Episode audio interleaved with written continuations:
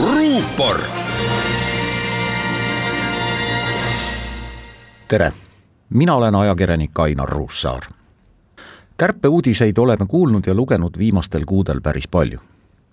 viimastel päevadel oleme kuulnud ja lugenud uudiseid ka sellest, kuidas saab kulutada riigikogu puhul on ajakirjanikud regulaarse usinusega kokku lugenud parlamendiliikmete kuluhüvitisi nüüd aga saime teada, et solidaarselt paljude sektoritega peab ka parlament järgmisel aastal oma eelarvet kärpima umbes poole miljoni euro võrra. kindlasti tekitab teade parlamendi kärpekavast kuulajates vastandlikke tundeid.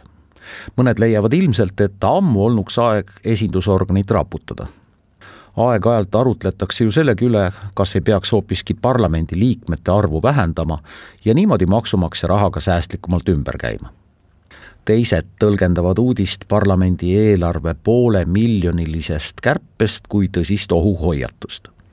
kui juba Riigikogu hakkab kärpima, siis peavad asjad ikka väga hullud olema, tõlgendavad nad seda sõnumit. kolmandad on sootuks segaduses.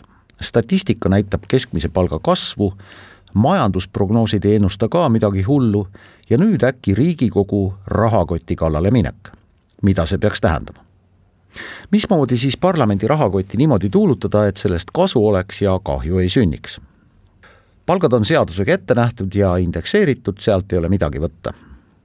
palju kirutud kuluhüvitised, mille sees on muuhulgas esindus- ja vastuvõtukulud, on ka ette nähtud riigikogu liikmed on ammu ära harjunud, et ajakirjandus rebib nende kuluhüvitised halastamatu järjekindlusega avalikkuse ette, aga see on nagu peavalu, läheb mööda kui meenutada, siis on parlamendiliikmed ostnud valijatele majoneesi, kirjastanud ja tasuta jaganud maksumaksja abil valijatele kirjutatud raamatuid. enne pandeemia piiranguid tuli ette ka öiseid restorani arveid. rahvaesindaja peabki ju valijatega kohtuma ja kuna aega on sageli vähe, siis tuleb seda vahel teha öösiti.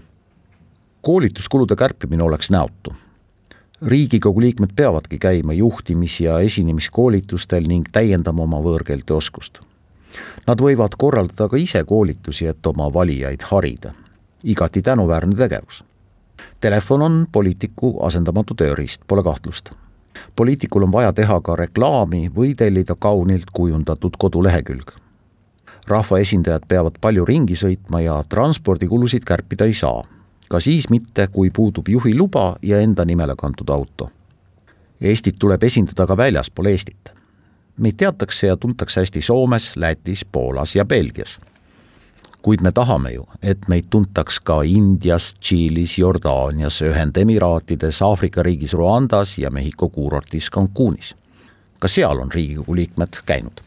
niisiis, raha tuleb maha kriipsutada kusagilt mujalt mitte väga ammu loodud Arenguseire Keskus, mille eesmärk on ühiskonna pikaajaliste arengute analüüsimine ning uute trendide ja arengusuundade avastamine, on nüüd sattunud kärpeplaanidesse. parlamentaarne ajakiri Riigikogu Toimetised samuti. sealt on ilmselt pealtnäha kõige lihtsam raha võtta, ilma et otseselt ühelegi parlamendiliikmele liiga teeks ja avalikkuses ülemäära suurt tähelepanu ärataks lõplik selgus parlamendi eelarvekärbete osas jõuab meieni siiski alles sügisel, kui hakatakse koostama järgmise aasta eelarvet. seni saavad Riigikogu liikmed fraktsioonides ja Toompea kohvikus muuhulgas arutada ka seda, kuidas kavandatavad kärped poliitiliselt edukaks populismiks pöörata. vabandust, edukaks kapitaliks pöörata või otsida nutikaid lahendusi, mis aitavad lohutada mõttega, et võib-olla ei olegi sügisel kärpida vaja ruupor